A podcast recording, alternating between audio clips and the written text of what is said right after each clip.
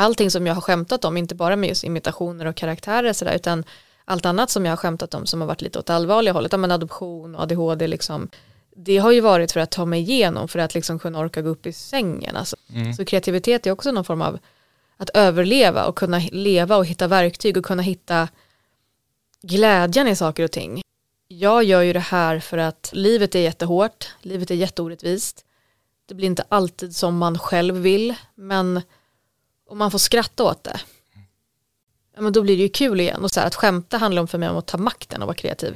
Det är att ta makten över en situation där jag har känt mig maktlös.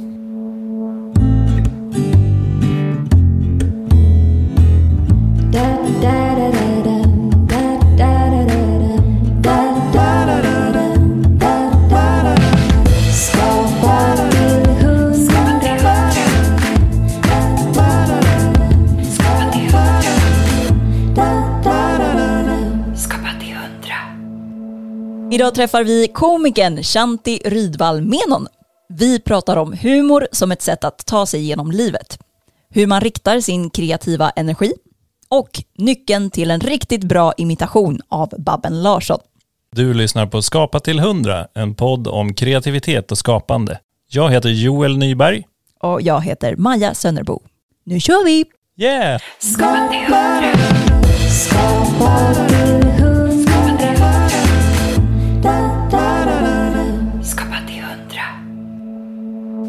vi har ju sett. Ja men det har vi gjort. Kommer du ihåg det? Ja men just det, ja men det var typ innan pandemin bröt Ja, ut. ja, när det var liksom precis så här, innan. precis innan det. Det var typ sista röstjobbet jag gjorde innan i mars där. Du, februari-mars var det. Ja. Och sen bröt det ut. Sista tiden i frihet. Jag sitter där nere, sen har det varit liksom min bunker i 18 månader. Men Ja. Jag tänkte ju på- på dig för att, ja dels följer jag ju dig men jag tyckte du var så tre, trevlig och det här är min första intervju som jag ska göra Ah, okej, okej. i den här podden. Så då kändes det så bra att ta med dig. Ja, ja, men vad kul. Ja, men gud vad roligt. Vilken ära. Jättekul att få vara med. Ja, Vill du ha kaffe, te? Te, jättegärna.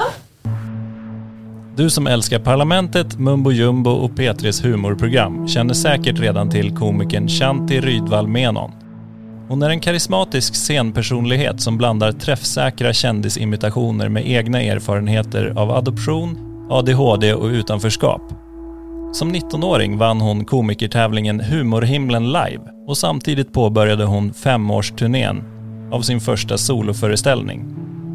Idag, 11 år senare, är hon aktuell med en ny säsong av Parlamentet som röst i den tecknade filmen Flumlarna och i sin podd Chantis mantra. Hjärtligt välkommen till Skapa till 100, Shanti Rydvall Menon. tack så mycket, tack. Stämde det där? Ja, nej men det stämde. Uh, jag gör ju nu Mumbo Jumbo också. Ja, Uh, och eh, det stämde väldigt bra. Det var väldigt bra research. vad bra. Riktigt korrekt var det. 19 år var du, nej det hade Nej, vi jag var inte 19 år. Ja, var Ja, 19 exakt. när jag började Humorhimlen live i P3. Ja, Och sen har det rullat på sen dess, eller? Men sen har, det, sen har det rullat på med massa olika saker. Eh, Sen när man tittar tillbaka på det man har gjort så tänker man så här, men alltså har jag verkligen gjort det här? Alltså, Och sen så bara, men vem fan är jag än? Så att jag inte ens har bara så här, tagit något så här helt och hållet sabbatsår och bara, nej men jag vill nog plugga istället eller jag vill bo utomlands, jag vill, men jag har inte gjort det. Jag har inte haft den tanken. Utan jag har bara liksom kört på. och det har inte blivit för mycket. Jo, ibland kan jag känna så här att det har blivit lite för att man pushar för mycket. Eh, men jag har ju också haft det till min liksom, fördel, för jag har ju hållit på hela tiden. Med kanske lite så här smärre kortare pauser. Så. Men jag har Några verkligen... dagar sådär eller? Ja men typ, precis några dagar, typ en vecka eller två max. Liksom. Jag har liksom varit nere på Gotland över typ två veckor under en sommar. Liksom. Eh, men inte liksom så här att man bara tar en hel, ja, men typ ett års paus eller flera månader. För jag har inte känt att jag har velat det. För jag känner så här att om jag slutar då kanske det är som så att jag tappar det. Eller att jag liksom tappar kicken eller drivet eller att folk glömmer bort mig. Och sen så eh, dagen innan jag fyllde 30 så fick jag ett samtal från eh, Barncancergalan. Där de säger att jag är nominerad som årets kvinnliga Ja, komiker. Grattis. Ja men tack, ja. jag vann inte då, då. det var Johanna Nordström, Ja. Och otroligt välförtjänt, hon är svinduktig. Eh, och eh, jag kände så här att shit har jag kommit så långt att jag ändå är, är så här ett namn som folk tycker om och som folk skrattar åt. Det blir lite så här, för jag är fortfarande inne i det här Chant i typ 11 år som typ showar för mamma och pappa när man var liten. Eller så här, man satt på sitt flickrum och skrev sketcher eller gjorde karaktärer och röster och det var ens lilla bubbla. Och sen så när man inser att shit, det har kommit, det har gått så långt att folk liksom, att andra följer ens tankegångar eller att andra liksom tycker man är kul. Då blir det så här, man bara, fast vänta lite nu här. Det var ju nyss jag var så här liten, det här, det här är bara kul i mitt eget huvud. Och ni fattar vad det är jag säger och gör. Det tycker jag är, det är en ganska sjuk känsla faktiskt. Häftigt. Just det där du sa om att det känns som att du fortfarande är, känns det som att du leker om dagarna i ditt jobb liksom? Nej, utan alltså jag är väldigt ambitiös Ja. och väldigt noggrann och sådär. Eh, och gör väldigt mycket research inför karaktärer eller liksom jag repar när jag ska göra parlamentet eller när jag kör stand-up eller sådär. Så jag läser ju på och liksom försöker. Eh, så det är ju inte som så att jag går runt och la, latchar runt. Nej, Men hela grejen är ju så här när man bara ser sig själv utifrån att så här shit alltså det här är mitt jobb. Mm. Det här är det som gör att jag kan betala mina räkningar och min hyra och handla mat och Mm. så här, leva ett liv som jag har drömt om sedan jag var liten. Alltså det är ganska mäktigt faktiskt.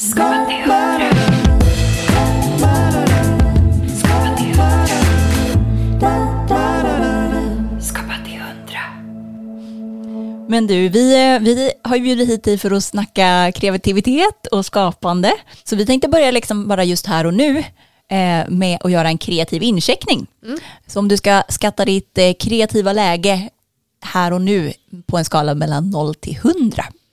Alltså, men när du menar kreativa lägen menar du då alltså allting man själv gör? Jag tänker ibland så känner man sig inte alls så skapande och man har inte alls någon lust kanske och ibland så känner man att man är i superflow och har att det bara kommer liksom. Ja, alltså mina egna grejer just nu, de är ju kanske inte riktigt helt på topp. Men det är bara för att jag har massa andra saker som jag gör nu. Där folk skriver manus och är kreativa åt mig. Ah, okej. just det. Uh, så att då är jag ju mer ett verktyg. Just det. Än att jag är, eh, skriver allting själv. Men när jag gör, alltså, kör stand-up eller gör till exempel YouTube-klipp. Då är det att jag är, och framförallt min podd, då gör jag ju allting själv. Och jag kan känna så här att under våren 2021 så var jag mer kreativ i, i mig själv, i det jag skapade. Men nu under hösten så kan jag känna att jag är mer kreativ i mitt hantverk, eller mitt, alltså, som ett verktyg Just det. eh, än att jag är det i själva skrivande och eh, alltså, inspirationsbiten. Mm. Eh, men jag är mer ett verktyg. Men det är också att vara kreativ. Så Mm. att jag skulle nog skatta det på kanske, nu nu så är det väl okej 70% ändå. Mm. Skulle jag väl ändå säga. Mm. Det duger väl. Ja, verkligen. Oh, ja. har du, du var lite inne på det eh, när du kom här, men har du skapat något idag? Jag, idag har jag skapat eh, bra stämning på jobbet. Nej, skojar, nej. Nej, ändå Och här också. Och här också, ja precis. Nej men idag har jag ehm, varit kreativ. Jag har haft tv-inspelning med Mumbo Jumbo och eh, det sänds, eller har premiär i mitten av oktober. Och nu har vi en bun- bunkringsperiod. Vad betyder det? Och då är det att man bunkrar sketcher, alltså VBn. eh, där man spelar in och sen sänds det i efterhand under säsongen. Mm. Eh, och eh, då har jag eh, varit väldigt kreativ, måste jag ändå säga. Eh, jag har varit olika, eller jag har varit en eh, kändiskaraktär, alltså imitation, Babben Larsson var jag. Eh, och eh, ja, men jag kan, måste ändå säga att jag var väldigt kreativ. Det, alltså, man är ju kreativ som verktyg fast man inte har skrivit det själv. Många tror ju så här att ja, men om du skriver allting själv, alltså, och det tror jag att väldigt många, så här, både komiker och skådisar också, och kanske till och med författare och dramatiker känner någon form av så press att om jag inte har skrivit det här själv, då har inte jag varit till 100% kreativ. Eh, men jag kan tycka ändå så här att om du framför någonting som någon annan har skapat, som du ändå kan få till liv på något sätt, och att det blir bra och att det känns kul, eh, då måste jag ändå säga att det är väl också att vara väldigt kreativ. Ja, För Du verkligen. måste ju hålla, för kreativitet handlar ju också om att så här, eh, det är mycket energi och mycket liksom timing och mycket alltså, lust, tänker Ja. jag. Och då ingår ju det i själva genomförandet. Så ja, jag har varit kreativ idag. Ja, du förvaltar ju på ett kreativt sätt det som någon har skrivit till dig då. Ja, jag tänker alltså många sådana produktioner på olika sätt eh, är ju ett kreativt samskapande på något sätt, att man gör olika delar. Och ditt jobb är då, vad jag förstår, att någon annan har skrivit manus, men det är du som ska göra det Mm. kul i, i det här fallet. Ja, nej men precis. Blev det kul idag? Ja. Ja men det blev jättekul, det blev väldigt roligt faktiskt. Det blev jättekul. Ja men ni får se, så jag kan inte spoila det nu, Nej. men det blir väldigt mycket skämt eh, på, på skämt och väldigt så här dum humor på något sätt. Som ändå är väldigt kul att göra. Så att jag, Mm. jag hade jättekul idag. Men hur mycket eh, improviserar ni mycket på plats i en sån, eller är det så här att ni är väldigt styrt så här, nu ska vi filma de här scenerna, eller hur går det till när ni filmar ett sånt typ av program? Uh, nu har vi ju en fantastiskt duktig regissör som heter Johan Ring. Mm. Som är väldigt mycket, alltså han är väldigt så visuell och tänker liksom i klippbilder och hur, vad det som kan vara kul och sådär. Uh, och är svinbra på att ge regi och hålla uppe kreativiteten och energin. Uh, och han ger ju då kanske tre tagningar som är kanske enligt manus. Men sen är han också väldigt bjussig på att man ska få improvisationsbitar också. Att bara, men vi har den här, vi ringar den, men det finns också utrymme nu för att improvisera. Mm. Och då får du eller ni liksom gå lite på känsla. Liksom. Alltså, guldet hittar man ju när man improviserar. När det verkligen så här, när det inte bara är manusbundet. Mm. Det är när man gör om det till sina egna grejer typ. Mm.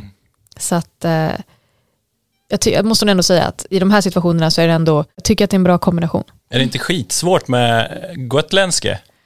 Ja, nej jag tycker nog inte att det är det. Den är ganska mjuk. Gotländska det är mjukare liksom. Det är Ah. kul och det är roligt, det är det. det, är så, det alltså Babben gungar ju väldigt mycket, så jag gungar ju väldigt mycket. Gud, då kommer man in i det, det är ju så här, gotländska. Gunga lite fram och tillbaka. Ser- Hälften sitter i kroppen. Ja, exakt. Hälften av den imitationen sitter i min kropp. Ja. Hur jobbar du med rösten sådär, när du ska imitera till exempel? Mm. Tänker du mycket på rösten eller tänker du bara helheten? När jag gör till exempel David Batra, alltså Ja. det är ju inte likt på det sättet. Alltså det är ju, alltså det, han är ju en rolig karaktär i sig, han är som en egen liten figur.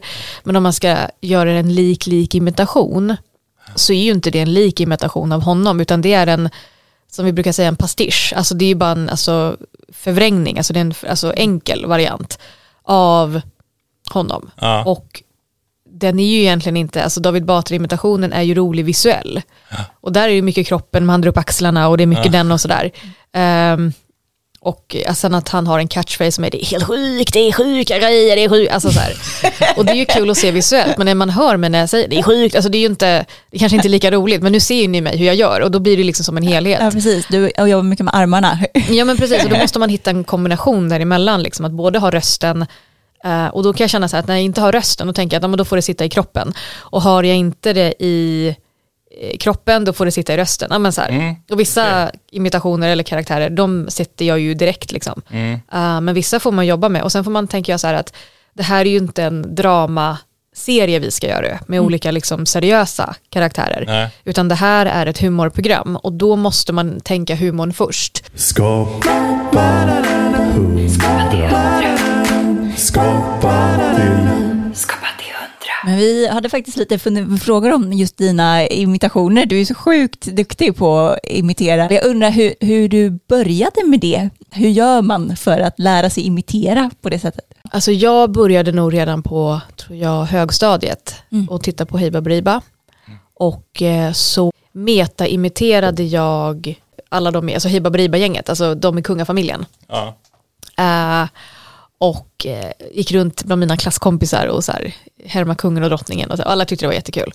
Eh, och sen tänkte jag så här att, för de bara det är så likt, det är så kul, och så tänkte jag ja det kanske är det så här. Eh, och sen så höll inte jag på med imitationer mer än att jag satt hemma och bara, ja men Lale låter jättekul, liksom, det är kul, alltså bara för att mig själv, liksom, för att det är kul. Och sen så annonserade P3 en humortävling när jag var 19 och då sökte jag till den utan att veta vad jag skulle göra. Så jag skickade in lite imitationer, jag imiterade så här och de bara, ja men du kom med liksom. Och så åkte jag upp till Uppsala, jag sa ingenting till mina föräldrar. Och sen så vann jag första deltävlingen. Och det var 500 pers i publiken och giget livesändes. Och jag visste inte vad jag gav mig in på, jag fattade ju inte, jag har ingen, alltså, Ja, det var första gången du gjorde det liksom inför publik? ja inför folk, jag visste inte vad jag höll på med. Och sen så började jag så här, successivt med stand-up. Och då hade jag inte riktigt så här, koll på vad stand-up var, utan jag hade- kom ju från teatern och ville hålla på med liksom men så humorföreställningar. Jag tänkte som Sissela Kyle eller Mia Skäring, alltså den, alltså den, man gör karaktärer, imitationer men med mer, alltså, som en föreställning men en stand-up. Mm. Så jag började ju med stand-up men jag, inte riktigt fatt, jag fattade inte riktigt vad det var, tyvärr. Nej. Så tog- du, men fick du någon slags egen stil då på, Ja, nej men det var mycket så här med mina imitationer. Eh, och då var det en eh, kille som driver eh, ett ställe som heter Mafia Comedy som heter Laszlo och han sa till mig så här att, ja men Shanti din grej är ju imitationer. Imitationerna är din grej. Det ska du köra på. Och jag tänkte så här, ah, men stand-up, den ska ju prata om sig själv och man ska skämta med typ så här Jonas Gardell eller som typ så här, eh, vad heter det, men så här, man pratar med humor, alltså man pratar om så här, liksom, s- seriösa grejer och man driver med saker och ting man varit med om sådär. Och han bara, ja men du kan ju använda det av det också, alltså, du, du har ju så mycket mer alltså, valmöjligheter och dessutom blir du unik. Ah, och då körde jag helt in på det, all in på det. Och det gick jättebra. Och sen så gick det då över till YouTube, för jag tänkte, men för att sprida det jag gör med just imitationerna så tänker jag att men då kanske jag startar liksom en YouTube-kanal. Jag hade sett Gina Dirawi och tyckte att hon var skitrolig. Och så tänkte jag att det här där vill jag också göra. Eh, så då startade jag en YouTube-kanal och så tänkte jag men här kan jag också vara fri och bara skämta om både, liksom, göra både imitationer och karaktärer och battla med varandra och även göra liksom klipp om typ så här, eh, adoption eller om min ADHD eller liksom sådär. Eh, för där var det liksom en större valmöjlighet. Eh, för om jag hade kört stand-up då måste man typ etablera sig själv i några år innan man kan riktigt så här, byta stil. Eh, Okej. På det sättet. Eh, därför det är också en väldigt live-live-form. ja, Men i mina alltså, YouTube-klipp där är man mer fria. Alltså när man gör Mm. liksom, inspelade alltså, filmer liksom. ja. Där är man mer fri i själva uttrycket. Kör du någon stand-up nu? Ja, men det gör jag. Eh, Och då kör du liksom imitationer i stand-upen också? Ja, absolut, jag blandar.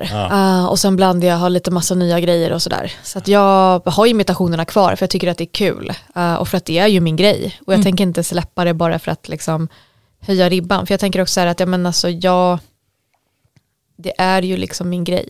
Och då tänker jag så här, absolut jag kan släppa det och höja ribban. Men jag känner också så här att men om någonting är min grej, då kan jag ju för fan bara inte släppa det. Inte än Nej. i alla fall. Fast jag som står utanför, jag är ju liksom inte del av den branschen, men vadå, jag tänker vadå, om du både kan eh, göra standard stand-up-skämt och eh, göra jättekul imitationer, så låter det för mig som att ribban ligger jättehögt redan. Alltså det är som att man får två grejer istället för en. Ja men Eh. precis, ja, men verkligen och där kan jag verkligen känna så här att min stand-up är ja, men en liten rolig blandning liksom. Och min, alltså mina YouTube-sketcher det är någonting helt annat och där Mm. är jag så här, jag vet när jag typ sitter och skriver att bara, men det här är ett YouTube-klipp, det här vet jag, Nej, men som när jag varit på så här konstiga dejter med killar, då vet jag, men det här är YouTube-klipp, det här är, YouTube, det, här, det här är för YouTube liksom. Eller när jag liksom typ eh, är på liksom fest och folk fäller kommentarer om mitt utseende. Liksom. Ja, men det här är alltså stand-up material, för det här är så tydliga, det är så, så här, tydliga skämt som är, det är, alltså, det är skrivet för just stand-up. Skriver du ner då i telefonen snabbt eller kommer du ihåg det? Jag har varit så pretentiös att jag har haft min eh, fil och en, ett anteckningsblock på varenda jävla fest jag har varit på. ja, det, på Så du riktigt. skriver live-manus. Och på varenda dejt då? Bra, dålig. Hon med blocket liksom.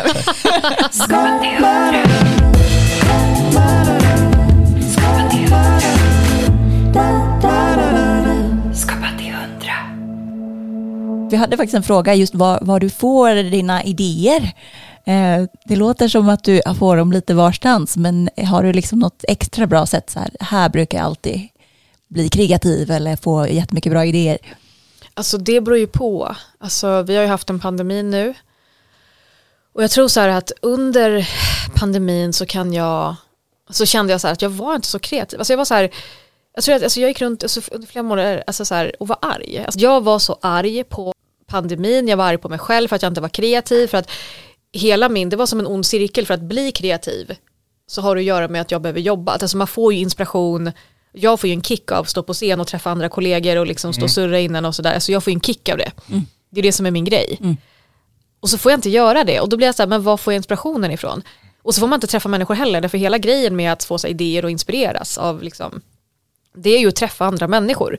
Det är när du är i olika sammanhang, du är på men fest, du är på dejt, du är liksom på, eh, du är på, du på gig, du är på en föreställning, alltså det hela grejen för oss liksom, kulturarbetare går ut på, alltså kreativitet går ut på att träffa och vara med andra människor och interagera, okej okej, fram till en viss punkt då, då. För sen är vi introverta som fan, men alltså så, det är det som är hela grejen och sen så fick vi inte göra det på typ 18 månader. Och jag kände under hela pandemin att jag var så otroligt arg, jag var så trött, jag var så deppig, jag var så ledsen och så tänkte jag så här, men är det här verkligen 100% jag? Alltså får inte jag idéer oavsett? Så jag hade liksom en lång period jag bara krigade med mig själv och bara, men vad, vad är det som är roligt? Och så vill man så här inte vara den komikern som eh, Återigen en komiker som drar skämt om pandemin, alltså alla gör det, alltså alla gjorde ju det liksom, för att nu har vi ju någonting att skämta om liksom. Men jag kände liksom så här att, Den var inte värd det. nej den förtjänar inte mig, pandemin förtjänar det, corona förtjänar inte mig. Eh, utan jag har verkligen fått en analys på var mina idéer kommer ifrån. eh, och hur jag får den här kicken och det här, det här ska jag skriva ner. Och jag kan till 100% säga att under hela sommaren har inte jag varit så kreativ, alltså så här, i mig själv. Jag kanske fått någon snap och bara vad det här ska jag göra liksom. Utan jag har känt mig ganska så här, inte hämmad, jo hämmad kanske. Jag känner så här att är det här kul, är det här roligt och kommer någon att garva och man har inte stått på scen på länge och ja men jag har ingenting att skämta om och ja men jag vill skämta om det, ja men det var bla bla, den kanske tar illa vid sig då eller jag vet inte, så här, man börjar tänka för mycket. Aha. Jag var nog mer kreativ, hade mer idéer under våren när jag gjorde min podd och gjorde sketcherna där. Som jag skriver med eh, Sebastian Hörnell, en kompis till mig. Eh, men sen un- under sommaren så har det inte varit så mycket jätte, jättemycket idéer utan jag tänker att så här att det kommer när det kommer, tänker jag. Men är det mycket det där att eh, du är lite beroende av interaktionen med, alltså att testa skämt helt enkelt. Och det kunde du göra i podden. Mm. Det var väldigt bra sketcher, jag lyssnade på avsnittet med Musse Ja, och det var VM i näthat. Ja, näthat. ja men vad kul, tack. Ja, men den, Precis nyss. Ja, nej, men den skrev jag, eh, den skrev jag på typ 20 minuter. Och Ja. den är så här, alltså, jag satt hemma och jag skulle iväg på ett möte efteråt. Och jag tänkte bara, okej jag har 20 minuter på mig, jag, jag skriver den och så bara skrev jag den. Eh, och sen så läste jag upp den och så, jag tyckte att det här var skitkul. Och sen så spelade vi in den och jag klippte det och jag tyckte det blev riktigt, riktigt bra. Liksom. Och då var det så här, då kom det bara så där. Och jag funkar lite så att så här att det kommer från ing- alltså så här, det kommer och sen en snap och det är bara det jag gör. Och jag var mer så när jag var yngre, att jag hade liksom, men det var innan jag hade det här som heltidsjobb. Utan alltså då var det som så att då jobbade jag extra också på förskola. Så att då var det så här att den tiden och den inspirationen jag hade, jag hade inte samma press på mig. Men Nej. nu när jag jobbar med det här så är det också väldigt svårt, för man har kommit upp sig, men man tänker efter, man är så här, man är vuxnare, man är lite mognare och så tänker man så här att okej jag vill skämta om det, hur kommer det landa, okej kommer det här funka, kan jag göra det i det sammanhanget, man börjar tänka för mycket. Men handlar det också kanske lite om att man har mer tid att tänka efter? Eh, för, för det, lå- eller liksom, det låter lite så att just, när man, just under pandemin, man fick så himla mycket tid ett tag där för man fick inte göra något knappt, allt var inställt. Och då sitter man kanske hemma och funderar lite väl mycket till skillnad från när man är i en produktion, för då är det som att Ja men som du säger, ja, det är, jag har 20 minuter här och sen ska vi spela in.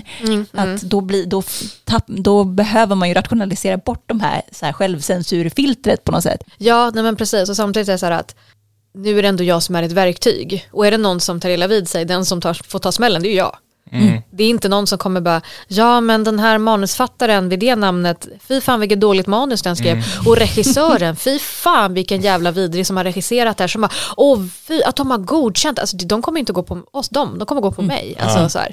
Men hur mycket ändrar du själv då? Alltså nu skriver ju inte vi kränkande manus så att det är ju väldigt tur. Så vi skriver inte liksom, vi, alltså vi, ingen av oss är liksom, gör ju någon medvetet illa liksom. Alltså det är ju det som är nackdelen med att jobba med humor.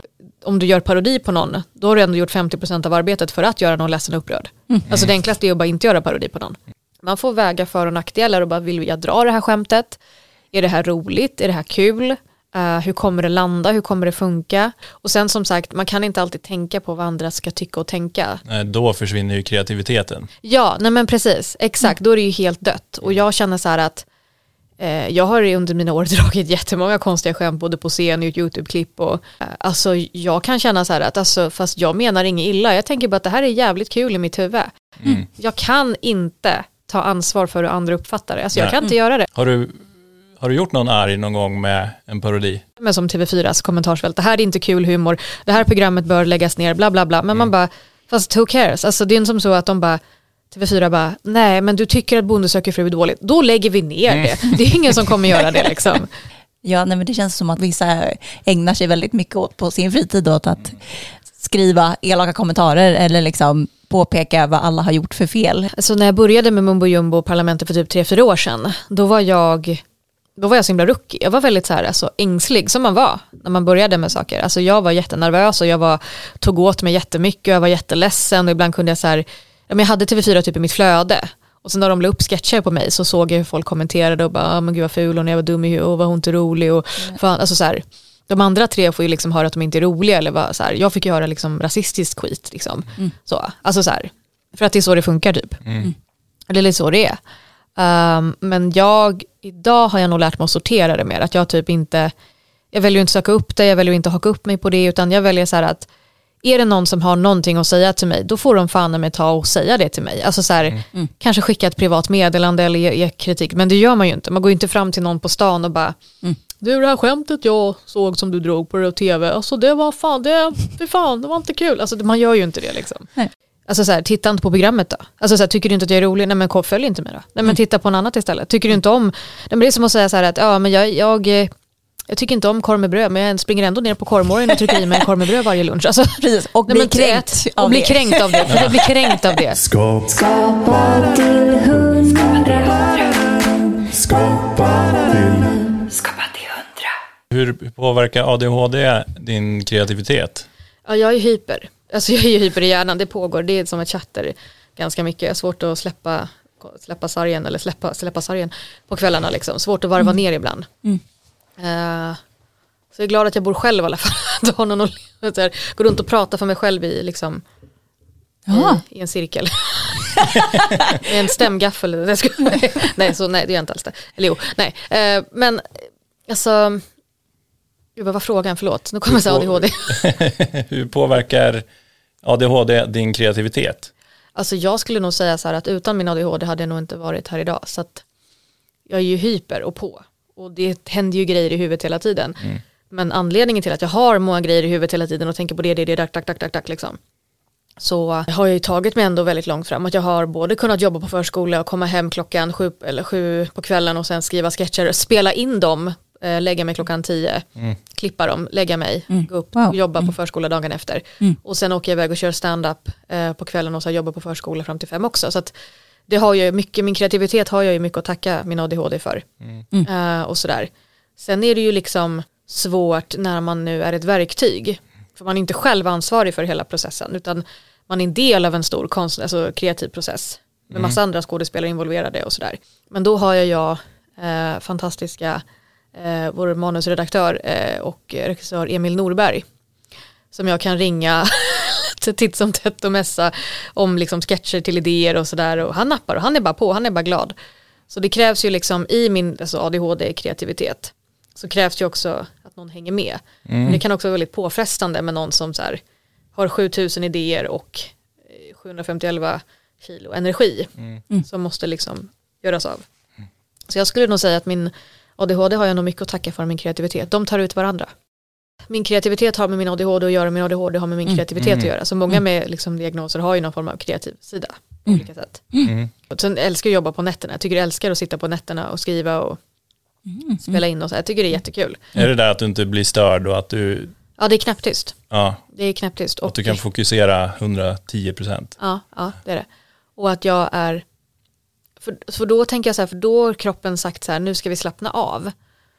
Men då säger hjärnan bara, nej det ska vi inte göra, nu ska vi skriva det här. Jag vet inte hur många gånger som man har så här, lagt sig, ska sova och så bara, där, det ska, och så upp i sängen, fram till liksom, ta fram skrivblocket som jag har vid, säng, eh, vid sängen, nattduksbordet, skriver, somnar, ja. ja men vad fan det här går inte. så är man liksom, Det låter både härligt och kanske lite rolöst. Alltså får du sova ordentligt skulle någon gång? ja, alltså det går i perioder. Alltså, det, går, det går absolut i perioder. Ibland får jag, så- alltså så här, eh, jag är ju inte liksom manisk på det sättet. Eh, utan jag har bara väldigt, väldigt mycket energi. Eh, så jag får ju sova, jag mediterar och yogar och tränar och har mig liksom. Så att jag försöker ju ändå upprätthålla någon form av så här balans. Så att jag inte bara är så här destruktiv konstnärssjäl som jobbar nätterna och super och liksom är AKV, ligger på en schäslong med ett glas rödvin och bara AKV i min smärta. Nej, men så här. Du tar hand om det också? Jag tar hand om mig också, liksom. även om det, det, den andra grejen har sin skärm också. Så. Vad, vad tränar du för något? Jag tränar eh, latinodans, de här dans, tiodans.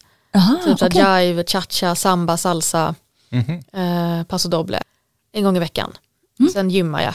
Så Och pole, pole dance va? Ja, jag höll på med pole dance, men sen skadade jag ryggen. Jaha, Så att jag, eller skadade nacken. Så att jag kommer tyvärr behöva lägga det på hyllan. nej vad tråkigt. Ja, skittråkigt. Vi hade verkligen hittat någonting som var alltså, riktigt kul. Och det var en sån härlig dansstudio, härliga unga tjejer och liksom sådär. Och man är liksom så här nästan 30 bast gammal och blir liksom runtbossade av liksom 18-19-åringar som bara så här, kan gå ner i spagat och liksom hänger upp och ner och i krymmelkrokar och man bara själv står där och bara jätteglad om man nailar och ens kommer upp och står. Ja, men, så här, typ. Ja. men sen känner man ändå att man har övertaget när de bara, och då mysteriet på Greveholm. då, känner, då har man övertaget ändå. Men ehm, det, alltså, det är lite tråkigt, men det höll jag på med. Men eh, jag har också hållit på och tränat i, i alla fall sedan jag var tonåring. För mig är det superviktigt också för att hjärnan ska funka bra på något sätt. Alltså att det, det är skapande och liksom och Ja. och när jag inte får röra på mig så känner jag att jag inte alls blir bra heller i hjärndelarna liksom. Känner Ja men du? precis, jag håller helt med. Alltså, jag hade en halvdagsinspelning med Mumbo Jumbo i onsdags. Mm. Eh, och då så, vad heter det, skulle jag vara i sminket vid tolv typ, men jag var uppe vid typ halv åtta och var ute och gick en timme. Mm. För att jag behövde få av energi, för sen är det liksom bara sitta och vänta och liksom, man sitter i smink en timme och sen ska man vänta och sen är det liksom. Mm. Så jag var verkligen så här, jag behöver verkligen den här energin när man verkligen kan fokusera och göra av med. Och antingen går jag till gymmet och springer på ett löpband eller cyklar lite, eh, gör lite övningar, eller så går jag ut och går. För att då är liksom hjärnan, då liksom sätter jag liksom eh, kroppen på icke rastlös. Så att jag, man gillar ju halvdagsinspelningar. Man börjar sent så kan man gå och träna dagen på, på morgonen. Känner, man känner sig mycket mer tillfreds och lugn i sig själv och i kroppen och avslappnad och man sover bättre och sådär. Mm. Så att jag, ja, jag behöver träna mycket. Alltså jag tränar inte tre, fyra gånger i veckan. Alltså, Försöker få till det liksom. För att jag behöver, jag har mycket energi. Men jag är inte någon som nattvandrar och det är till min kära fars stora eh, lycka att jag inte ens har fått en unge som går ut och nattevandrar och ut och går och liksom, alltså, Du är hemma och klipper sketcher istället. ja, hemma och klipper sketcher eller skriver eller yogar eller mediterar liksom. sådär. Skapa hundra. Skapa hundra. Men vad är kreativitet för dig? Alltså, gud, alltså jag vet inte ens vad jag ska svara på det, för det, var, det var en jättebra fråga. Vår förra gäst, Mauricio Molinari. han an- ansåg att det var en överlevnadsinstinkt.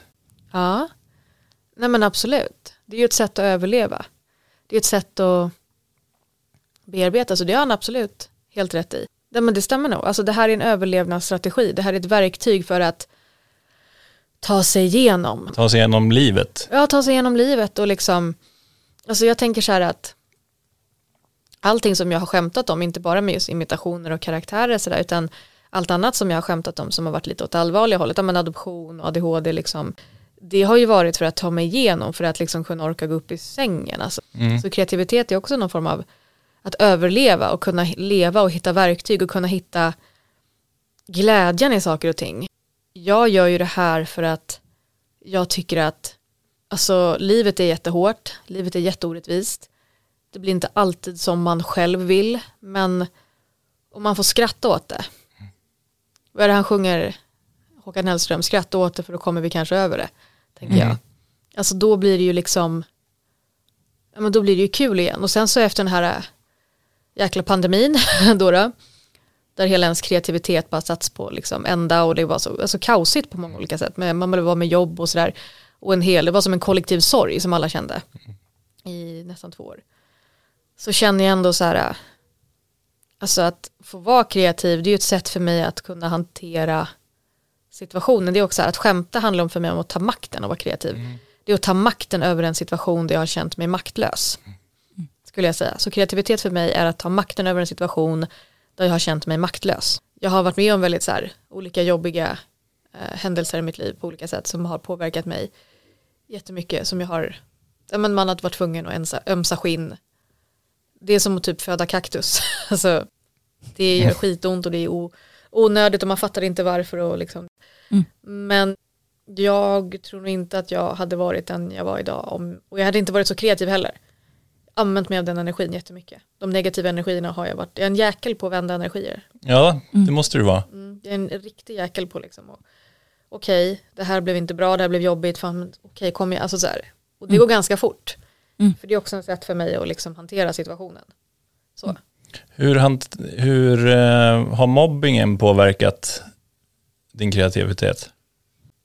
Jag var ju inte så kreativ när jag var yngre på det sättet. På det sättet. Alltså jag var ju kreativ till viss del kanske. Alltså skrev och sådär. Men jag ältade väldigt mycket när jag var yngre. Jag ältade jättemycket. Så att jag, alltså jag tror att det handlar om att man kommer till en punkt i livet där man liksom inte bryr sig. Utan när man bara släpper allting.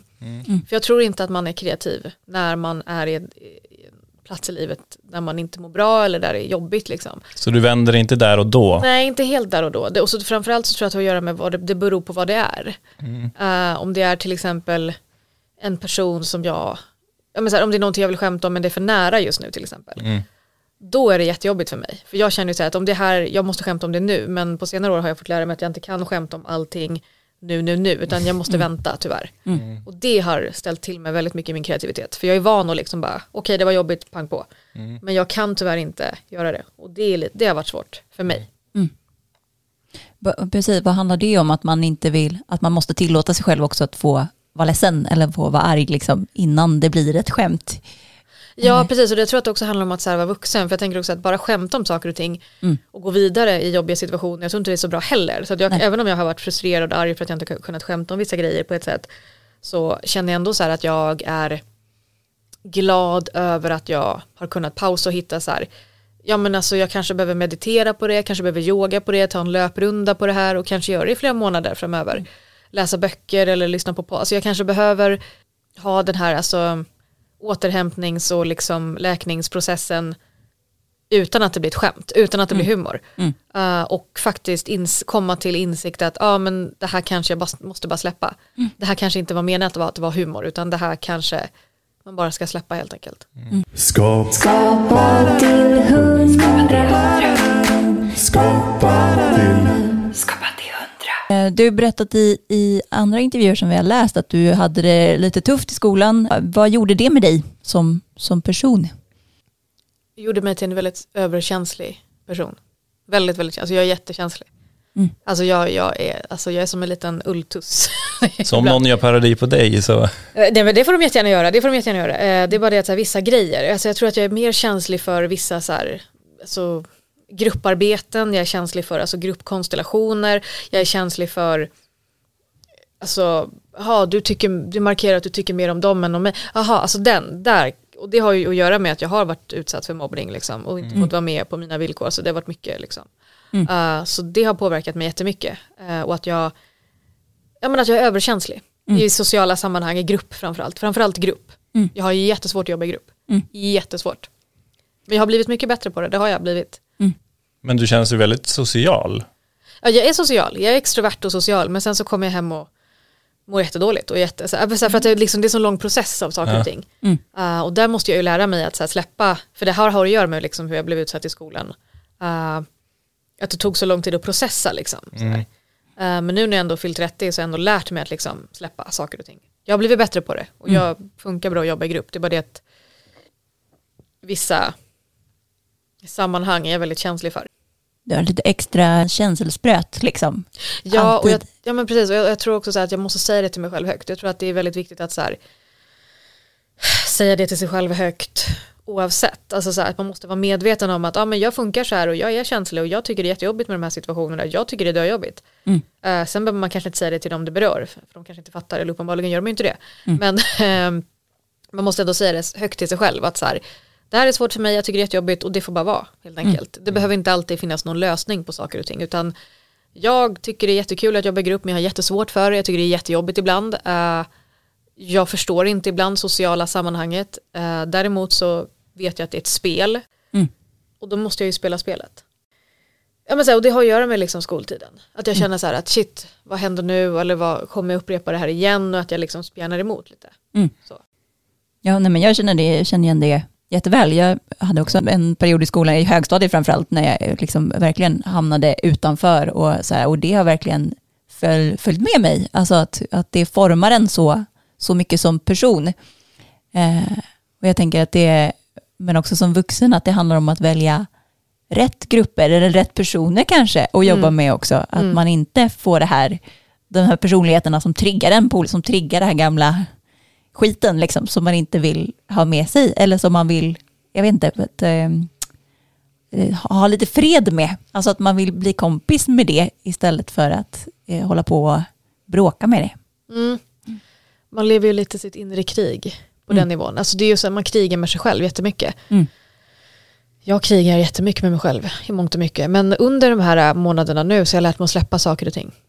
Mm. Jag blir mycket bättre och så här inte låta det som har varit. Alltså det som har varit har varit. Alltså, jag tror det var hon Kristin Kaspersen som sa, hon sa släpp förhoppningen, hon sa det i en podd, inte till mig då, men hon sa det, släpp förhoppningen om en bättre gårdag. Mm. Släpp det, alltså det är så här, det som har varit har varit. Mm. Det kommer inte bli bättre. Alltså det, det blir inte bättre av att du går runt och, ja men i skolan, och vad mobbad jag var, och det var, de var så taskiga mot mig, jag mår så dåligt. Ja men det som har hänt, gjort, gjort. Ja, men som med dig och mig, att det, så här, det har påverkat en jättemycket, det har format en. Och det, Mm.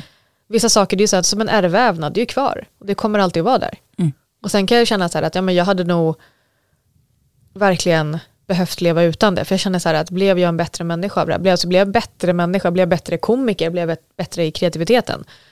Jag vet inte. Jag tror inte att de har någonting med varandra att göra tror jag. Jag tror faktiskt inte det. Alltså för mig i alla fall. Att det är så här, det var en förutsättning för att jag ska göra det. Utan det kanske var en kick till att överleva jobbiga, jobbiga perioder och sådär. Att börja liksom vara kreativ i högstadiet. Och sen blommar ut i gymnasiet liksom, när jag skrev min egna föreställning. Men jag tror att så här, uh, de har egentligen inte med varandra att göra, tror jag. Så det var inte så här, de ska få se. Eller nej, eller jo, eller va? Det förstår jag inte. Ja, men om, eh, jag tänker på dem, eh, om du var mobbad förut när du var liten och så eh, blev det, vändes det om liksom till att jag ska bli en st- stor känd komiker liksom. Ja, alltså nu har inte mitt mål varit att blivit en stor känd komiker. Däremot så, ja men absolut kan jag ju känna så här att, ja men era jävlar, Mm. kolla på mig nu då, liksom. vem fan tror att du är? Ja men typ den. Mm. Men det har inte varit min primära drivkraft, jag har kanske haft det i bakhuvudet liksom. Ja. Sådär. Uh, men jag tror liksom att mobbningen och min kreativitet, de har egentligen inte så jättemycket med varandra att göra, det är två helt olika saker. Därför att mobbning är ju en negativ energi. Mm. Hela grejen är ju negativ energi och jag tror så här kreativitet ska ju inte grunda sig i, negativ energi överhuvudtaget. Mm. Så jag tror att jag hade nog mått mycket bättre om jag inte hade varit utsatt för mobbning eh, och utanförskap på det sättet. Mm. Så, för det pågick liksom i tio år, Mm. varje dag liksom. Mm. Och jag tror att man, alltså det gör mycket med en, man blir ju liksom, man blir knäpp liksom. Mm. Så det är tur att jag jobbar i en bransch där alla är normala. där ingen är knäpp i huvudet. Ja, nej, jag känner igen det jättemycket. Det känner, jag känner mest att jag har tappat tid.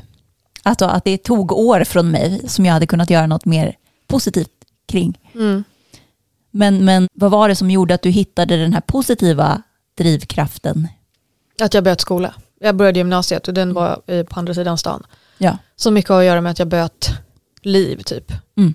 Jag tror att det är så här, ibland är det bara, du måste bara byta liv. Du Mm. måste bara liksom byta helt och hållet. Du kan inte vara kvar. Mm. Så mycket av min räddning var att så här, alla mina klasskamrater gick till så skolor där de själva hade, det var typ 15, gick till samma gymnasium. Typ. Det var kanske en, två som gick till olika, men de nästan alla gick till samma gymnasium typ. Mm.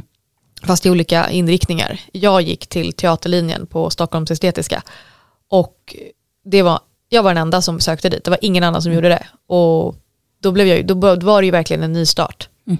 Och det var fantastiskt. Då blev du dig själv ännu mer på något sätt eller? Ja, jag blev, alltså det var som att det är den här Shanti jag alltid har varit. För Ja. här är alla kreativa, alla är knäppa. Man sitter på golvet och spelar gitarr. Ja. Alla går in runt och citerar Lars Norén eller Sarah Kane eller bara liksom går upp. Alltså så här, alltså det, det är så konstiga grejer och dansare som hoppar runt och gör liksom rörelser och sådär. Och alla är så här i sin kreativa bubbla. Mm. Alla var som fantastiskt. Alla var som jag och det var fantastiskt. Så det var, det var tre av mina bästa år i livet.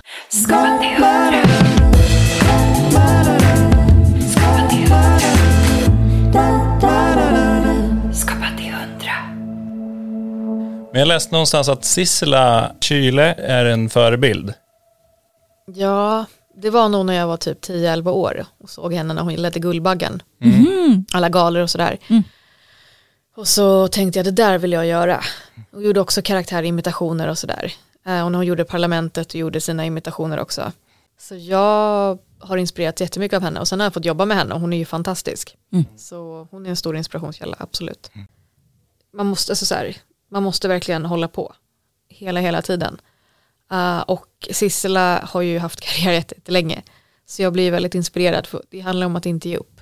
Mm. Man måste hela tiden hålla på. Ja, precis. Vi hade faktiskt henne som gäst i podden här i våras och det är precis som du säger, när man ska läsa hennes CV så är man Ja. bara, nej men gud, herregud, så här, vad ska vi fråga om, om av allt det här liksom?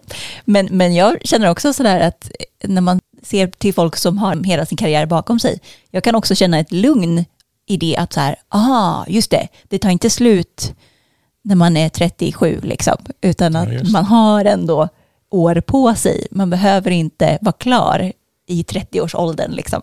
Nej, och allting är ju inte, alltså, alltså det är ju bara här och nu, men det som hände sen det vet man ju liksom inte. Jag vet att det var, jag tror att det var, vad var det typ Grammisgalan, och då var det hon Kerstin Dellert, de skulle dela ut någon kristall till årets eh, någonting. Och hon går upp och så säger hon så här, ni har alla här som är nominerade, ni har jobbat hårt och ni har tagit er till toppen.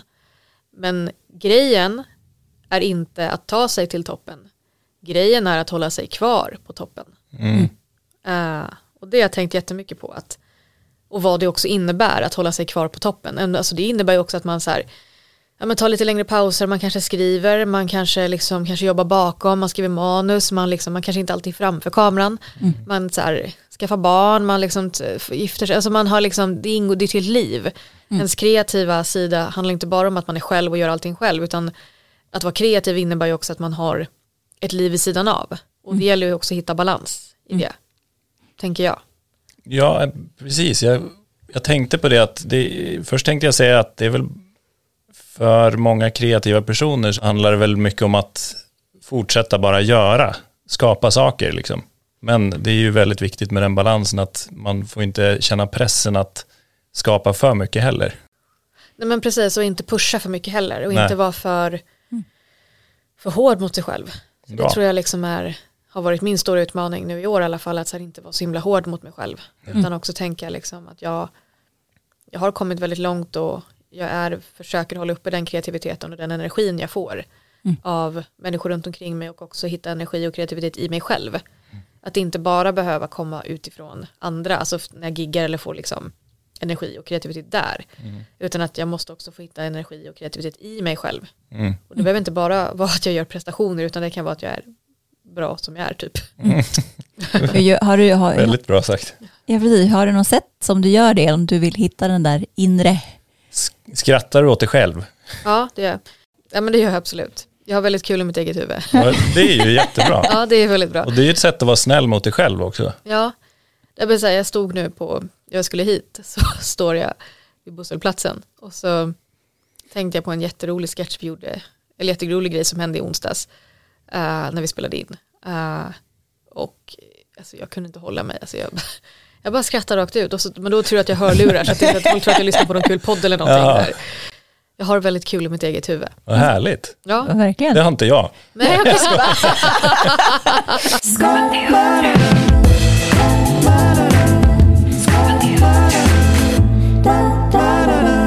Skapa till hundra. Om du skulle skapa något som du aldrig har skapat, vad skulle du skapa? Då skulle jag skapa min egna tv-serie. Och den håller jag på att skriva på nu. Så, att det, Ja, just det. Det hörde jag någonstans. Okej. så den håller jag på att Du skriva håller nu. på, precis, du Jag håller på har inte skriva den. skapat ja, jag, håller det. på, jag, har jag håller på att skriva den. Jag håller på att skriva liksom handling och liksom upplägg och liksom själva känslan. Och den eh, kom jag på för flera, flera år sedan. Eh, men det är skönt att liksom kunna pausa, för den har jag också pausat länge. Mm. Och sen har jag tagit upp det lite smått igen och sådär. Och ändå få inspiration till och från. Så det är en dröm som håller på att bli uppfylld, eller? Ja, det hade varit jätteroligt. Vad kul. Men är det, eh, det är alltså en, en drama-tv-serie? Eller en, En humorserie. Nej, det är en humorserie. Humor, humorserie. Mm. Eh, Kan du avslöja något? Nej, jag vill Nej. inte avslöja. Jag vill inte spoila någonting. Jag vill inte jinxa något. Och inte när den kommer? Nej, jag vet Nej. inte. Jag hoppas att det kommer in om några år i alla fall. Jag hoppas det. Alltså, jag, det tar, alltså tv-serier, det tar ju tid. Ja. Eh, man måste hitta rätt personer och rätt, alltså sådär. Så jag, eh, vi får se. Det, det är kul i alla fall. Jag har väldigt roligt i alla fall. Och eh, jag driver också väldigt mycket med mig själv. Vad kul. Det blir lite terapi kanske? Ja, det precis. Att man, precis, man bearbetar sig själv på något sätt. För det handlar inte bara om att, så här, att jag hoppar på någon annan liksom, och bara du gjorde fel och bla bla, som man kan göra i stand-up. Att jag var utsatt bla bla för det här, det här hände mig bla bla, skämt, skämt, skämt. Liksom. Mm. Um, men en, det här är ju något helt annat uppbyggnad. Liksom. Är det bara, just nu att du bara skriver på den eller är det liksom en produktion? Nej, jag skriver på den bara. Ja. jag, jag har ju hintat lite till folk. Men Jag skriver på den i alla fall. Men då är det du som skriver manus och du också som är med, tänkt ja, att vara med. precis. Mm. Ja, precis. Vi får se hur det blir. Ja, verkligen. Det spännande. är vi fram emot. Vad händer härnäst i Shantis liv? I Shantis liv.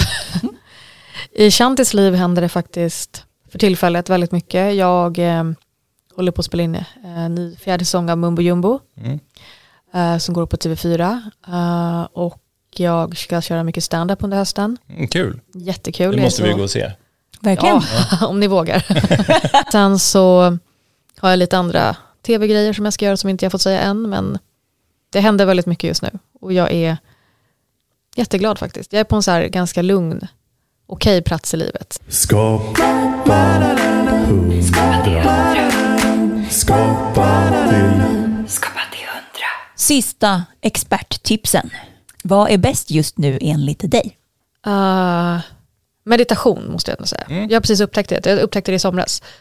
Så jag ehm, mediterar så mycket det bara går. Uh, jag börjar alltid imorgon med meditation. Jag började i morse. Jag, var, jag var, skulle vara och sminka mig typ vid sju. Jag gick upp vid typ fem och mediterar.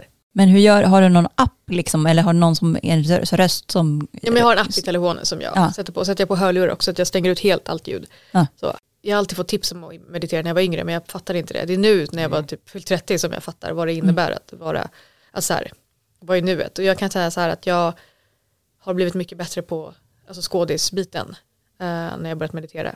Jaha. Mycket bättre på att eh, hålla ihop hela dagen. För om jag börjar med att liksom landa och typ stretcha och yoga lite eller och meditera, Ja. då är jag fit for a fight. Än om Och jag bara så styr kastar- du dagen liksom. Ja då styr jag dagen istället för om jag kastar mig upp. Ja. Ja. Ja, nu är det frukost, nu är det kaffe, ja skitbra, in i duschen, ja skitbra, nu kör vi och så är vi iväg. Då Det styr går inte. dagen dig. Ja då skriver dagen mig, det är jag som skriver dagen så att jag måste Ja. ta kontroll liksom. Så att meditation skulle jag säga. Vad är ditt bästa tips för att bli kreativ? Skriv ner det du själv tänker på och testa dig fram. Alltså är det podd du vill göra eller är det, liksom, är det humor eller är det drama? Alltså, är det att skriva en bok eller är det kanske att liksom eh, skådespel, alltså whatever. Så att man är så här, sorterar lite i vad det är man vill göra och vad som funkar i det här sammanhanget och sådär. Och, så, eh, och sen så tänker jag så här att alltid ha skrivblock med sig och skriva ner. Skriv ner det du tänker på. Eh, och sen så försöka sätta det i ett sammanhang där du tycker det är kul. Där det här kan funka här. Men som jag gör med min, ja men det här funkar för stand-up, det funkar för YouTube. Det funkar för det här kan jag använda i tv när jag gör tv, när jag gör sketcher där, där kan jag så här. Just det, blir lite konkret i vad, vad de Ja, här idéerna ska hamna precis. någonstans. Liksom. Ja, så det är mitt starkaste tips att så här, vara kreativ, att försöka bli lite konkret. Eh, konsekvent i sin kreativitet och vad man själv vill. Om man vill närma sig ditt hantverk, om man har suttit nu och känt att så här, wow, jag vill också bli komiker och imitatör som Shanti, vad ska man börja då? Då kan man eh, kolla in min YouTube-kanal. Mm. Eh, Shanti Rydvall Menon heter jag där. Eh, och sen kan man ju kolla lite Parlamentet, jag är med där, skulle jag säga, och Mumbo Jumbo. Men Yes. framförallt min YouTube-kanal skulle jag säga. Vill du tipsa någon annan att vara gäst i Skapa till 100? Någon kreativ själ helst. Oh. Jag hade ju en gäst eh, i våras som är Sveriges första transsexuella rappare. Ja, jag, Mandy Rich. jag har inte hunnit lyssna på Hon det. är skitgrym. Alltså, gör allting själv, alltså, har jätteunika texter.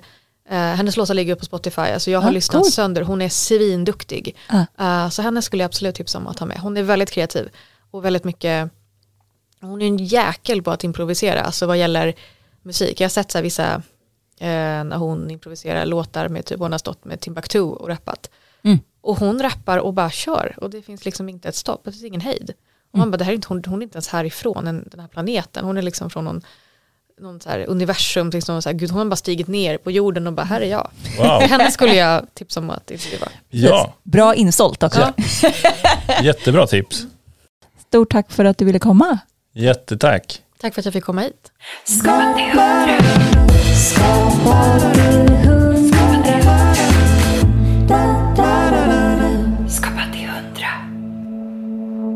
Det där var ju, Ja. kändes ju jättehärligt. Verkligen. Men jag tyckte hon var väldigt mycket mer existentiell än vad jag hade förväntat mig. Ja, hon är väldigt filosofisk och jag tyckte hon hade väldigt många bra tips. Livstips. Verkligen. Och så blev jag supersugen på att meditera Jag, jag, ska, måste, jag måste nog ladda ner en sån här app. Jag har ju liksom tassat in på yoga eh, lite smått, men det är liksom, egentligen så är det meditationen jag vill åt. Det är liksom själva huvudgrejen Ja. jag vill åt. Och faktiskt kopplat liksom just till att rikta sin eh, energi på ett vettigt sätt. Både bli lite lugnare i huvudet kanske, men också eh, bättre fokuserad på rätt saker. Ja, och det hon sa just att hon, äger, hon skriver, tack vare eh, meditationen så blir det att hon skriver dagen och dagen skriver inte henne. Mm. Så hon har kontroll på vardagen liksom. Mm. Har du kontroll på din dag? Det beror på vilken dag du pratar om. Eh, na, ibland, vissa dagar, bra kontroll, andra dagar inte. När man Ja. jobbar i flera olika projekt och olika jobb så är det ju svårt att styra helt själv. Det är Ja. många som är med och paddlar liksom. Ja. Så ibland är det bara paddla efter. mm, hur kändes det här då? Det här var ju första podd, Eh, eh, poddningen för dig. Men jätteroligt. Jag har ju poddat lite f- förut, två gånger typ. Men just att intervjua en person som man känner igen, det var jätte... Och hon, var, hon är himla snä, snäll och hon var ett, en väldigt eh, trevlig person att ha som första intervju i denna podd. Om du gillade det här och eh, kände dig inspirerad så kommer det ju fler avsnitt. Det är det som är så himla bra. Lyssnar du i din poddapp, klicka på prenumerera. Prenumerera. Prenumerera och om du använder Podcaster, alltså Apples poddapp, så får du supergärna gå in på vår eh, Skapa till 100-sida och scrolla ner, för där kan du lämna en recension till oss. Och det hjälper oss att sprida podden. Snälla, snälla, snälla gör det. Hela poddvärlden består ju av olika listor och sådär. Och tydligen är det så att fler recensioner så kommer man in på olika listor. Vi får så fina mejl och sms och direktmeddelanden från våra lyssnare. Eh, så att eh, är du en av dem som gillar oss, skriv gärna det och hjälp oss sprida podden. Ja. Tack och god natt är det dags att säga, beroende på när man fredag lyssnar. kväll sitter vi här. Är, det är hårt i poddbusiness, ja. men jävligt kul. Ja, jättekul. Ha det fint. Hej då!